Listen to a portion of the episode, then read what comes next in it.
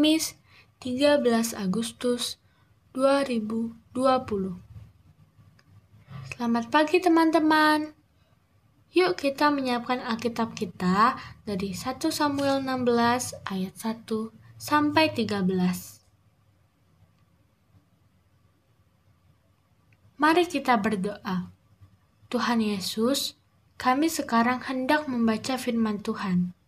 Tolong kami untuk dapat mengerti, memahami dengan baik, dan melakukan apa yang Tuhan perintahkan. Amin. 1 Samuel 16 ayat 1 sampai 13. Daud diurapi menjadi raja. Berfirmanlah Tuhan kepada Samuel, Berapa lama lagi engkau berduka cita karena Saul? Bukankah ia telah kutolak sebagai raja atas Israel? Isilah tabung tandukmu dengan minyak dan pergilah. Aku mengutus engkau kepada Isai, orang Bethlehem itu, sebab di antara anak-anaknya telah kupilih seorang raja bagiku. Tetapi Samuel berkata, Bagaimana mungkin aku pergi? Jika Saul mendengarnya, ia akan membunuh aku. Firman Tuhan, bawalah seekor lembu muda dan katakan, Aku datang untuk mempersembahkan korban kepada Tuhan. Kemudian undanglah Isai ke upacara pengorbanan itu lalu aku akan memberitahukan kepadamu apa yang harus kau perbuat. Urapilah bagiku orang yang akan kusebut kepadamu. Samuel berbuat seperti yang difirmankan Tuhan, dan tibalah ia di kota Bethlehem. Para tua-tua di kota itu datang mendapatkannya dengan gemetar dan berkata, Adakah kedatanganmu ini membawa selamat? Jawabnya, Ya, benar. Aku datang untuk mempersembahkan korban kepada Tuhan. Kuduskanlah dirimu dan datanglah dengan daku ke upacara pengorbanan ini. Kemudian ia menguduskan Isai dan anak-anaknya yang laki-laki dan mengundang mereka ke upacara pengorbanan itu. Ketika mereka itu masuk dan Samuel melihat Eliab, lalu pikirnya, sungguh di hadapan Tuhan sekarang berdiri yang diurapinya. Tetapi berfirmanlah Tuhan kepada Samuel, Janganlah pandang parasnya atau perawakan yang tinggi, sebab aku telah menolaknya. Bukan yang dilihat manusia, yang dilihat Allah.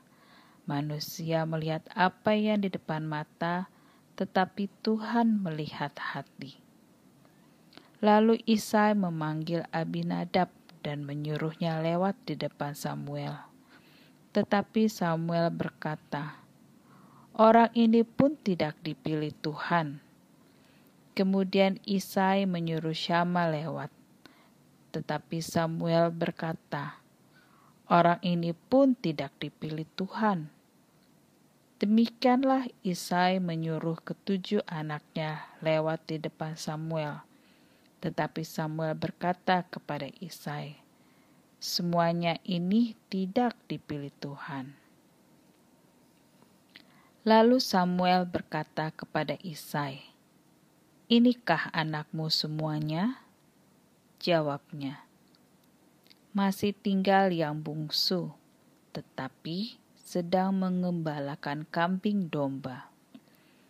Kata Samuel kepada Isai, Suruhlah memanggil dia, sebab kita tidak akan duduk makan sebelum ia datang kemari.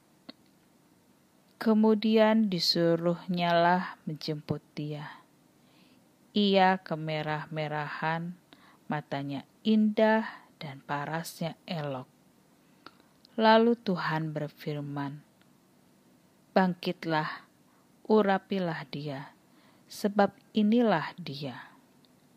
Samuel mengambil tabung tanduk yang berisi minyak itu dan mengurapi Daud di tengah-tengah saudara-saudaranya. Sejak hari itu dan seterusnya, berkuasalah roh Tuhan atas Daud.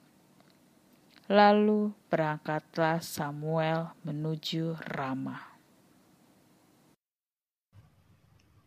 Tuhan berkenan. Raja Saul tidak taat kepada perintah Tuhan. Ini membuat Tuhan tidak berkenan kepada Raja Saul. Karena ketidaktaatannya, Tuhan akan menggantikan dia sebagai raja bangsa Israel. Lalu Tuhan memerintahkan Nabi Samuel untuk pergi ke rumah Bapak Isai yang terletak di Bethlehem. Ketika Nabi Samuel melihat anak bapak Isa yang pertama yang bernama Eliab, Nabi Samuel langsung mengira ini pasti yang Tuhan pilih, karena Eliab sangat gagah. Tetapi ternyata Tuhan berkata kepada Nabi Samuel, Bukan Eliab yang aku pilih untuk menjadi raja bangsa Israel pengganti Saul. Tuhan juga berkata, Jangan melihat paras atau perawakannya yang tinggi, Bukan yang dilihat manusia yang dilihat Allah. Manusia melihat apa yang di depan mata, tetapi Tuhan melihat hati. Lalu Nabi Samuel berkata kepada Bapak Isai, bukan Eliab yang Tuhan pilih. Lalu Bapak Isai memanggil anak laki-laki yang kedua. Ini pun Tuhan tidak pilih. Lalu Bapak Isai memanggil anak laki-laki yang ketiga, keempat, sampai yang ketujuh. Tetapi tidak ada satupun dari mereka yang Tuhan pilih. Nabi Samuel lalu bertanya, apakah masih ada yang lain? Bapak Isai menjawab bahwa ada satu lagi anaknya yang bungsu. Dia sedang mengembalakan domba Lalu Nabi Samuel menyuruh Bapak Isai untuk memanggil dia. Ketika anak bungsu Bapak Isai sampai, Tuhan berkata kepada Nabi Samuel, Bangkitlah, urapilah dia, sebab inilah dia yang kupilih. Anak bungsu ini bernama Daud. Lalu Nabi Samuel mengurapinya. Teman-teman, Tuhan memilih Daud bukan karena dia gagah atau berperawakan tinggi. Tuhan memilih Daud karena Tuhan berkenan kepada Daud.